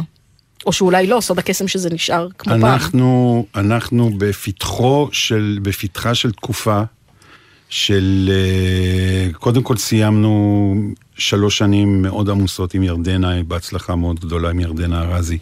ואחר כך המשכנו במופע חדש עם חנן יובל, שהקורונה עצרה לנו אותו במופע השמיני, שכבר ממש היה עם כיוון של הצלחה מאוד גדולה. ואני לא אשכח את ההופעה הזאת בחיפה שהייתה, שכבר היה חצי אולם שהיה עם, עם אה, מסכות, ואחר כך אה, פשוט עצרו לנו את המופע, ועדיין עוד לא החזרנו אותו לבמות. אבל, יש לנו מופע כרגע שאנחנו מריצים בשם אה, ים השיבולים 2022, שאנחנו מארחים גם את אילנית וגם את שלומית אהרון וגם את שי אברמסון סלאש דודו פישר. לפי זמני השהייה שלהם בארץ. אה, אנחנו ביום, אה, שבוע הבא יש לנו מופע גדול בתל חי, במסגרת פסטיבל לא בשמיים. ושם אתם מחדשים קצת את ששם הקשר עם חנן יובל. אנחנו מחדשים את הקשר עם חנן יובל, וגם עם לירון לב, וגם עם דלית כהנא, וגם מצדיעים ליורם תיארלב. אה, יש הרבה תוכניות על, הד... על הפרק. כשאני שומעת את שיתופי הפעולה, אז אני אומרת, אוקיי, יכול להיות שהגבעטרון נשארת כלהקה נטועה בהיסטוריה שלה, בקלאסיקה, בדברים שאתם יודעים לעשות הכי טוב, אבל כן, לירון לב למשל, הוא איננו אדם אה, מבוקר במיוחד. זה, זה הכיף הכי. גדול. תראי, אנחנו הולכים עכשיו להיכנס למספר הופעות בזאפות, שזה גם כן דבר חדש שאנחנו... איך יכניסו את כולכם על הבמה הקטנה הזאת? אה, אנחנו נסתדר. כבר- היינו שם. אנחנו נסתדר. ואנחנו הולכים לארח בכל מופע אומן אחר, ואני לא יכול להזכיר שמות, אבל חלקם יהיו אומנים צעירים, מהצעירים המבטיחים. למה, אם היה לנו סקופ על דברים אחרים, אתה לא יכול להזכיר שמות? למה, למה להשאיר אותי לא, אבל מחצית מה אהבתי שכן בידי? אנחנו צריכים להגיד שאנחנו... קודם כל אני אגיד את זה בתור עכשיו המנהל של הגבעתרון. חשוב. שמאוד מאוד נעים לי ונוח לעבוד עם אילן. וכשאני מגיע עם אילן לכל המשרדים בתל אביב, אה, אילן, הוא זה שעבד עם שלמה ארצי, ישר פותחים לנו את הדלת. אז זה יתרון אחד גדול. וב' אנחנו אה, התחברנו עם פיסטוק אומנים, שזה... אחד המשרדים. אחד המשרדים. כן, משרד booking, למי של המאזינים והמאזינות כן, שלא יודעים מה זה אומר. זה פשוט מי שדואגים לסדר את לוח ההופעות, דואגים שיהיו בהחלט. אה, מקומות להופיע בהם, ומי כן, מזמין כן, ומה כן, מזמין, וגם דואגים לטפל לא, בכל הם הצד גם עוזרים הכלכלי. לנו ברעיונות של כן, חיבורים. כן, גם- חיבורים גם מאוד. אומנותי. שזה מדהים. בהצעות, כן? זה, זה נהדר. ועוד דבר, אנחנו מחכים עכשיו לפגישה עם שר החינוך והתרבות. תראה, אתה תחכה עוד הרבה זמן כנראה. לא, לא, לא, לא, זה הולך להיות מהר. אתה רק לא יודע מי יהיה השר. לא, לא. לא, זה שישנו עכשיו. כן. ואנחנו בעצם חשבנו, גם אילן, גם אני, גם חברי הגבעתרון, כשאתה מגיע ל-75, להקה כזאת, מדינת ישראל צריכה גם להצדיע לך פעם. חתני פרס ישראל. והרעיון הוא שאומני ישראל יתארחו אצלנו, כאילו. טוב, אתם לא מתפרצים פה. לדלת פתוחה, יש ל- לנתן דטנר, שאני עובדת איתו שנים רבות, ויחד איתו שייפנו איזה רעיון שבו צריך לעשות את זה לאומנים באופן כללי, לא רק לגבעטרון. לוותיקים, איזה מופע רציני, משהו שזה, אני פתחתי פה את המילים של- כן, ששלחת. אה, שקיבלת. אנשים אה, לוקחים להם חירות אומנותית על. אה, דידי מנוסי, אבל זה בסדר, לא מזמן נולדה היא, לא לפני מספר. שנים מועט. אחרת, איך נסביר את הקצב? הוא לא נונשלנט. בבקשה. הסוכה היא זו הסבתא, ההרצאה וההצגה מטיילת בעולם היא, כובשת עוד פסגה, אני לא אשאיר את זה, זה אני אשמור לכם, אבל, אה, וזה ליום הולדת 80 ראיתי, זה לא ל-60. יפה. כן, אנחנו. מתאימים את עצמנו לכל גיל. הכל, הכל אה, טוב אה, ו- גמיש. ויפה, זה לגמרי נכון. טוב, בואו נדבר לרגע על החיבה המוזיקלית אה, שלכם האישית, אוקיי? יש שירים מקוריים, ויש שירים שהם, נקרא להם קאברים ותרגומים וכל מיני דברים שהם לאו דווקא הביצוע הראשון היה של הגבעטרון. ויש אה, שירים עדכניים יותר, ויש כאלה שהם קלאסיקות, ויש כאלה שבהם יש לי סולו, וכאלה שאין לי בהם סולו, לי כמובן אין סולו באף אחד מהם, אני לא בגבעטרון, אבל מה הכי כיף לשיר? אני, אני רוצה להגיד מה אני. כן, גדעון. אחרי זה הם יגידו. כל אחד את שלו. בדיוק. אני אה, מאוד מאוד מאוד אוהב את השירים של פעם. את השירים העבריים של פעם. בשבילי זה, זה, זה, זה, הגבעתרון מייצג את זה בעצם. אם אני היום אלך ואשיר, לא יודע מה, איזה שיר ש... שהוא לא מחובר אליי. שיר, שיר של. אנה זק, אני רוצה לשמוע ביצוע של הגבעתרון, אה, אה, זה עתירה, לך לישון, זה יהיה מצחיק מאוד. כן, או יש עוד כמה שירים. זה קצת קשה לי, אני לא אומר שאני אני פתוח לזה היום הרבה יותר ממה שהייתי פעם, ואני הייתי נלחם, עם אילן הייתי נלחם, נכון? הייתי בחזרות, היה מביא שיר. איזה שיר לא רצית לשיר? תראי, אני, אני זוכר שיר, זה מדהים, ואני גם, היוצרים שלו לא יעלבו בכלל, כי זה שיר שאני מת עליו, גוליית. הייתה תקופה שרציתי להביא את השיר. גוליית וואלה, לגבעתרון כן, של דני. כוורת, ודאי. כן, והיה סוג של אה, אי הסכמה בגבעתרון לשיר את השיר הזה. הם לא אהבו לא את הרעיון. התחברו, לא התחברו לסגנון הזה. אה, אה, יש סגנון הייתה סיבה? למה? אני אנסה להגיד לך, מה שאני, אנחנו ראינו, ואני חושב שגם, אני, רחלי תגיד את שלה, אנחנו בעצם, יש שירים שהם נקראים שירים גבעתרונים. בכלל, במדינת ישראל אתה יכול לשמוע, אה, זה של הגבעתרונים, זה שיר גבעתרוני. שיר גבעתרונים מבחינתי זה משהו שיש בו קצת הרמוניות מינוריות, של אימא רוסיה, זה שיר שיש לו, אה, אה, אה, מתחיל לאט, עובר מהר, פזמון שמח, יש לו משהו שהוא כן, גבעתרוני. אבל צריכים לדעת להיפתח. אני. אמרתי כבר שאני הוא- נפתחתי. הוא הודיע שהוא נפתח קצת, שנפתחתי אבל קצת, קצת, קצת. תנסה, תנסה אולי עוד פעם את גוליית, זה אולי זאת יעבוד לך. אומרת, גם. לא, מפה אני מזמין את דני שיכתוב לנו שיר לדני סנדרסון. זה הזמנה. לא, זה לא מופרך, אה, גילו גם לא רחוק מגיל ממש לא. באופן דרמטי, הוא חגג אה, 70 לפני בהחלט. שנתיים, שנה. ו-55 שנות יצירה. אז, אה, אז, אז יש אה, פוטנציאל. הוא ילד לעומתנו, זאת אומרת, זה נכון, 75. זה נכון, זה נכון. אה, יש אה, שירים שלך, רחלי, שהם... אני- תראי, אה, אני יכולה להעיד על עצמי שבבית, כשאני עם עצמי, אני מעולם לא מקשיבה לגבעתרון. אני מאוד, בסדר. אוקיי, בסדר. הצ- הצהרה, הנה הצהרה. אני לא שומעת גבעתרון בבית. אני כן שומעת על הדשא ברחבי הדשא בחגים בקיבוץ. אבל אם אני בבית, אז אני אשמע הרבה אה, שם טוב לוי, אני אשמע מוזיקה אחרת שאני אוהבת, מוזיקה אירית, אבל אני כן, כשאני עם הגבעתרון ובוחרת משירי הגבעתרון, משום מה יותר עושה לי את זה השירים כמו שוב יוצא הזמר, או, יוצא, או, או תאורת חצר של רחל שפירא. ואם אני דווקא נדרשת לחפש משהו אה, קופצני יותר או משמח יותר, אני מתה על השיר, אה, אה, נו, בר, לרגע ברח לי השם. אה, לא, יששכר? לא, לא, לא, עם המים. אה, אה, אור הממטרה. אור הממטרה, ברח לי לרגע השם. אור הממטרה. כי אור הממטרה, הוא, הוא גם כן, יש בו משהו מאוד ישראלי, מאוד אה, עם, עם החיבור והזיקה למים ולנגב ולצינורות, ואפילו המילים שם הן נורא נורא ישראליות, אה, צבריות כאלה, של פיתוח, של, של לא יודעת, משהו ישראלי מאוד. ושיר כזה עושה לי את זה. ושיר עצוב אחר באמת, כמו שוב יוצא הזמר, עושה לי את זה. ותאורת חצר, מאוד רומנטי, מאוד עצוב, מאוד שיר ערבות האחד לשני, עושה לי את זה. נכון, אבל גם גבעה אחת עושה לך את זה. אחת, נדבר בטח בנפרד על פרס ישראל, לא? לנו- מיד, אנחנו נשמע מתי שיר, שתגידי. ואז נדבר על פרס מתי ישראל. שתגידי.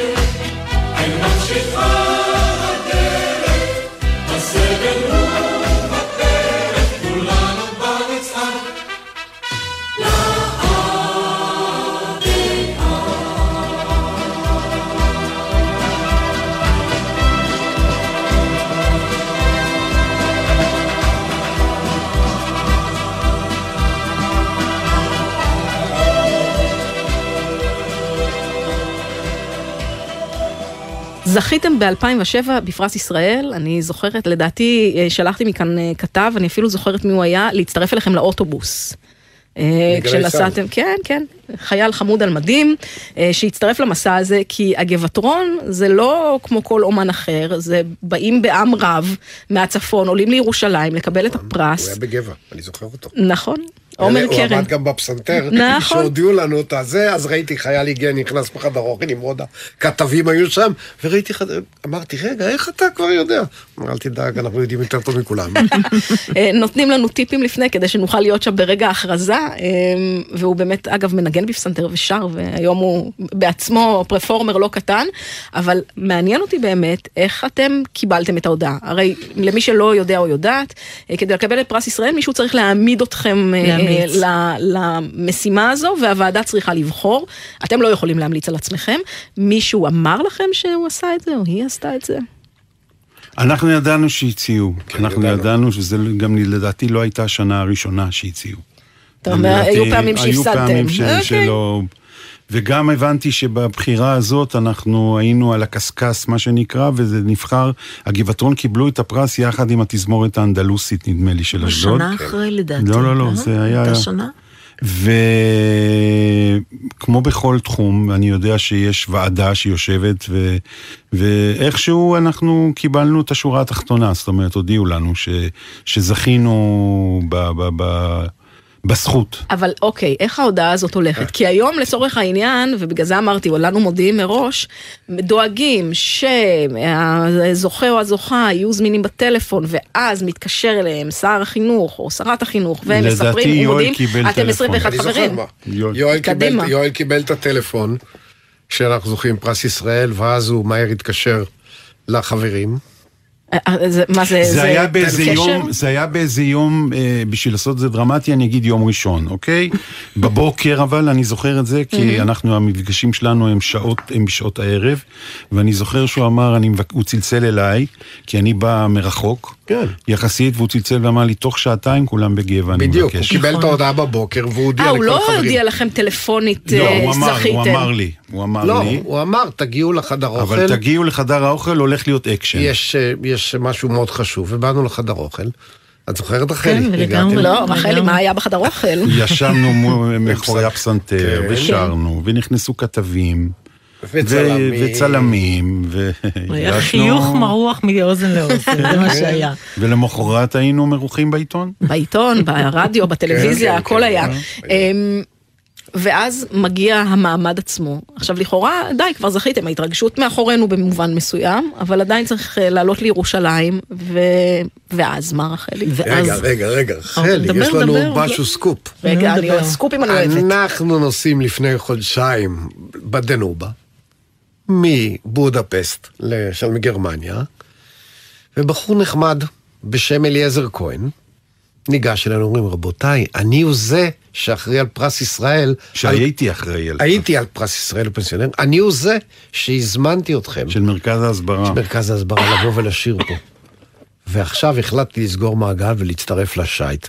והוא הצטרף אלינו, לשייט, והוא נהפך להיות חבר שלנו, ומפה רחלי תמשיך.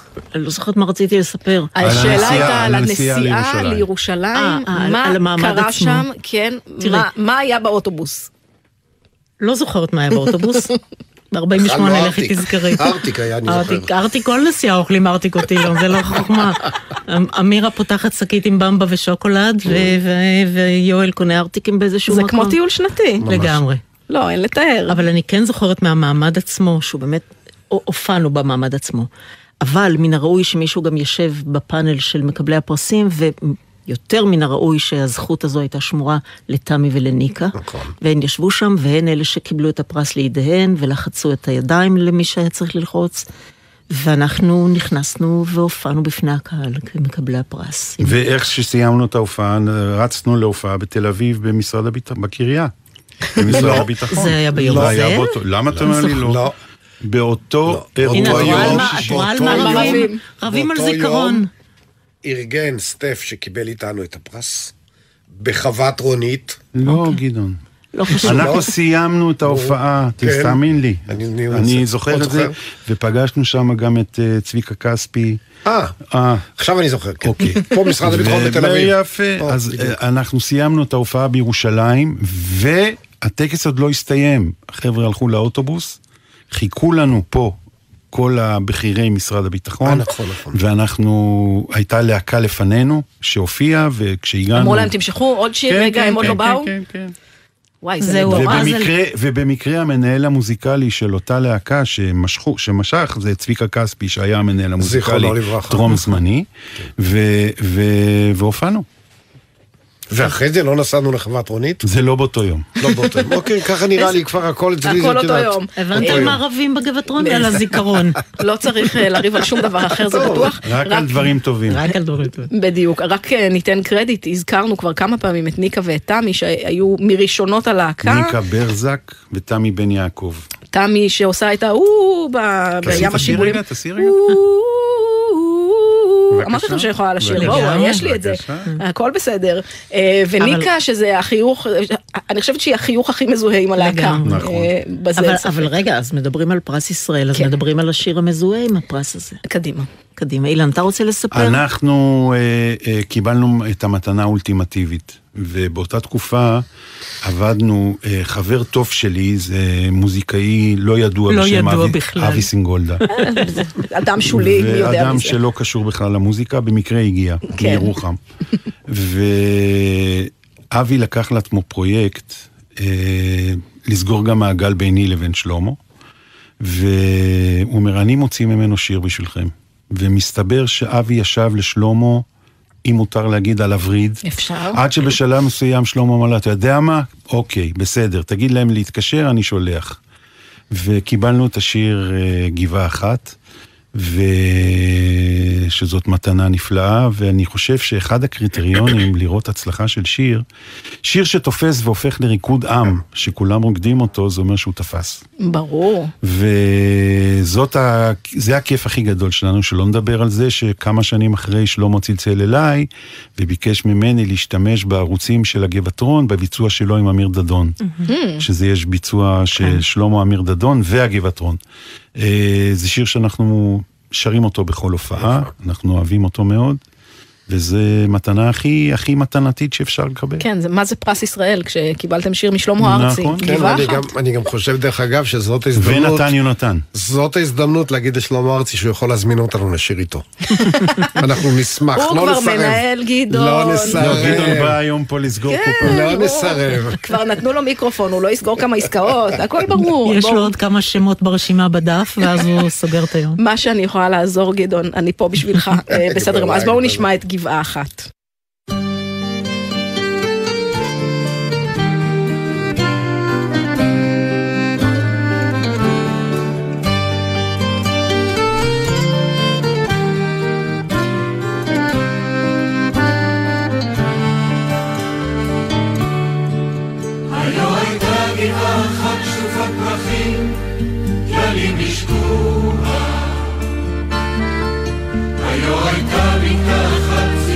במרחבים, במרחבים. אתה במקום צינור הזמן על זיכרונות וגעגוע.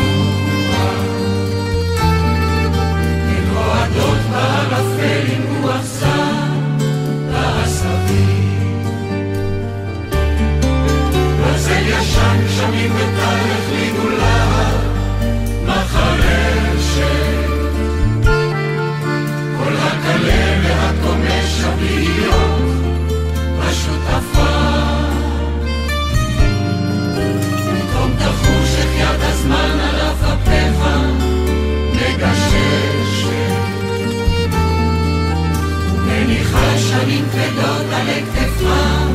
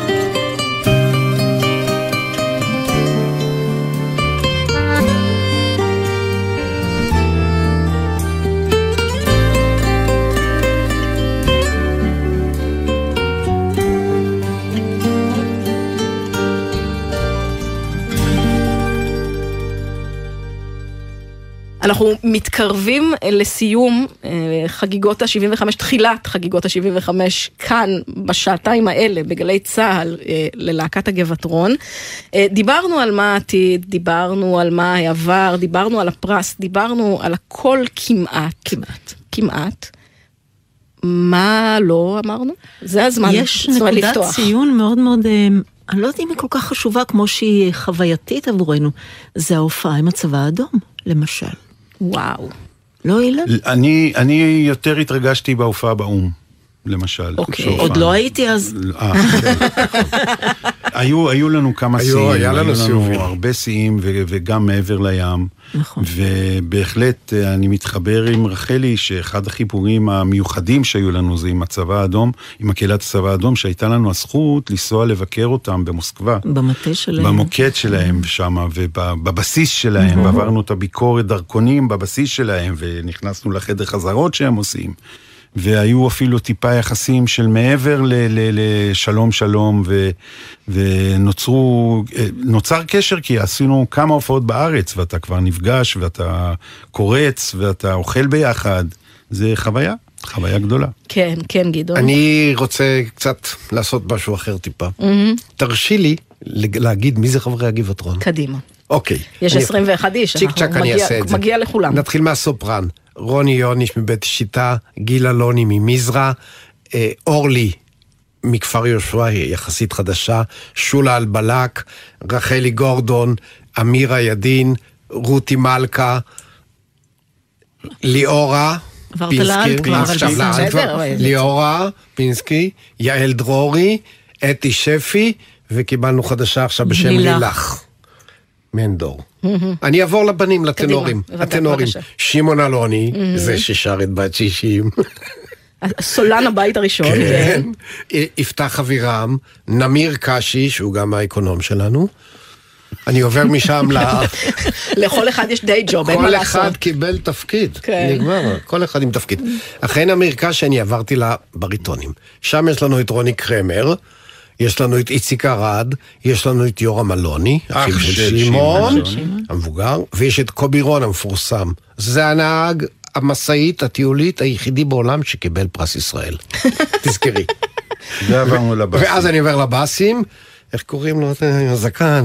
ישראל גרינברג, אריק דביר, ועבדכם הנאמן גדעון גוריון, אילן גלבוע על הקלידים, מנהל מוזיקלי, ורחלי, המלכה הכי נחמדה בעולם.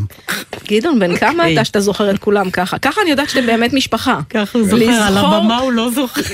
לזכור 21 שמות. על הבמה אני נותן שמות הרי קצת אחרים לחבר'ה. יש פעמים שאני תורם קצת אה, לזיכרונו. אני אלמד אותך טריק, יש, קוראים לזה prompter, אבל נעבוד על יש, זה בהזדמנות. אחרת. יש לנו גם, אה, כבר הגענו גם לטריק הזה. הבנתי, לא, זה... לא בכל ההופעות אגב. שלא נצטרך לזכור את הכל בעל פה, אבל אני אוהבת, אם אתה סוחב אותו ביד, זה באמת, אתם עדיין, אה, אה, זה- עדיין הופעת פרינג'. כולם עושים הכל, סוחבים את הפנסים, אה, עושים את התאורה. כן. מעולה.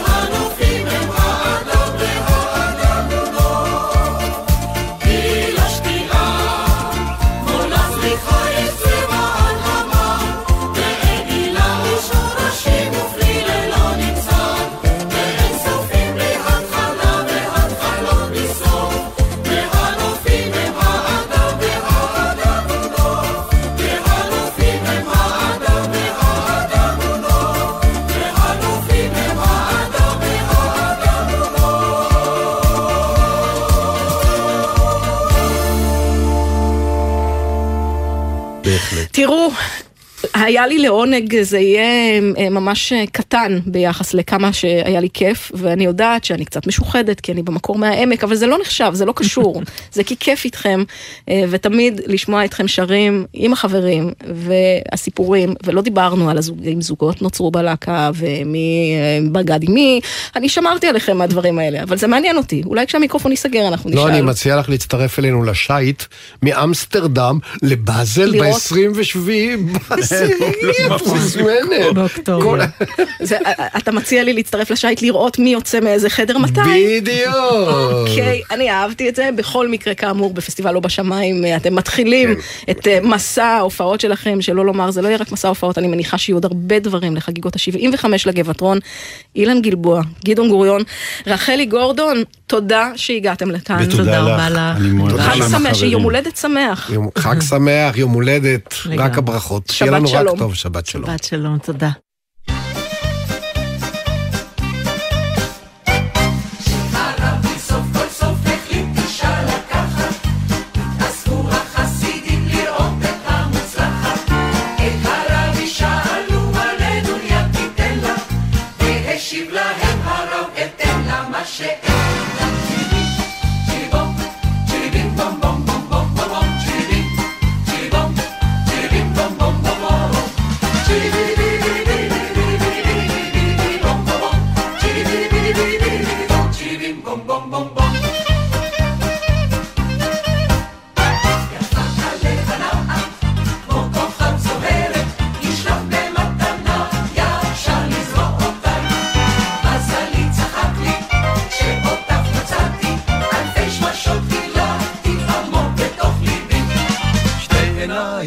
פנייך, זורחים כאור זורח, גבוהותייך, גם שפתייך, איזו הלילה.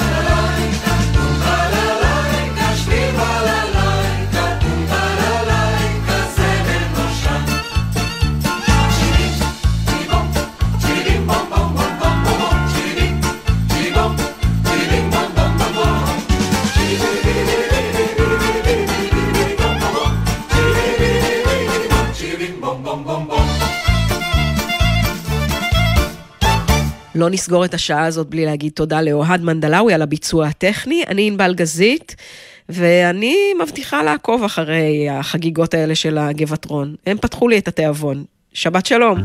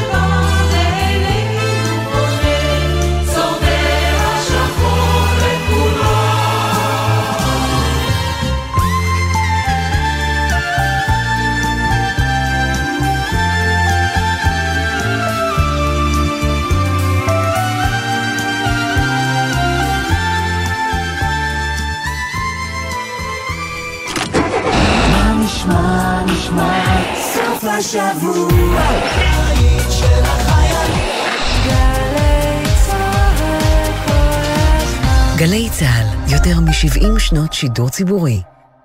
רוכבים על אופניים חשמליים או גלגינוע, קורקינט חשמלי? בימים אלו משטרת ישראל והפיקוח העירוני מגבירים את האכיפה על עבירות תנועה של רוכבי כלים חשמליים על מנת לשמור עליכם ועל הולכי הרגל. רוכבים שירכבו על המדרכה בניגוד לחוקי התנועה ללא קסדה תקנית או שגילה מתחת ל-16 ייכנסו וייתכן שאף יעמדו לדין. אם רוכבים בכביש נוהגים לפי החוקים. כולנו מחויבים לאנשים שבדרך עם הרלב"ד.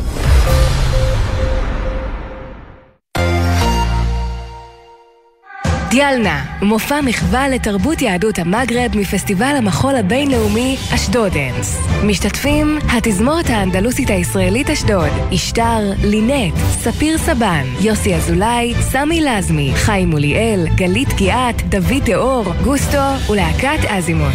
בהנחיית ג'קי לוי, מנצחת סיון אלבו בן חור. חמישי, תשע בערב באמפי אשדוד, ובקרוב בגלי צה"ל.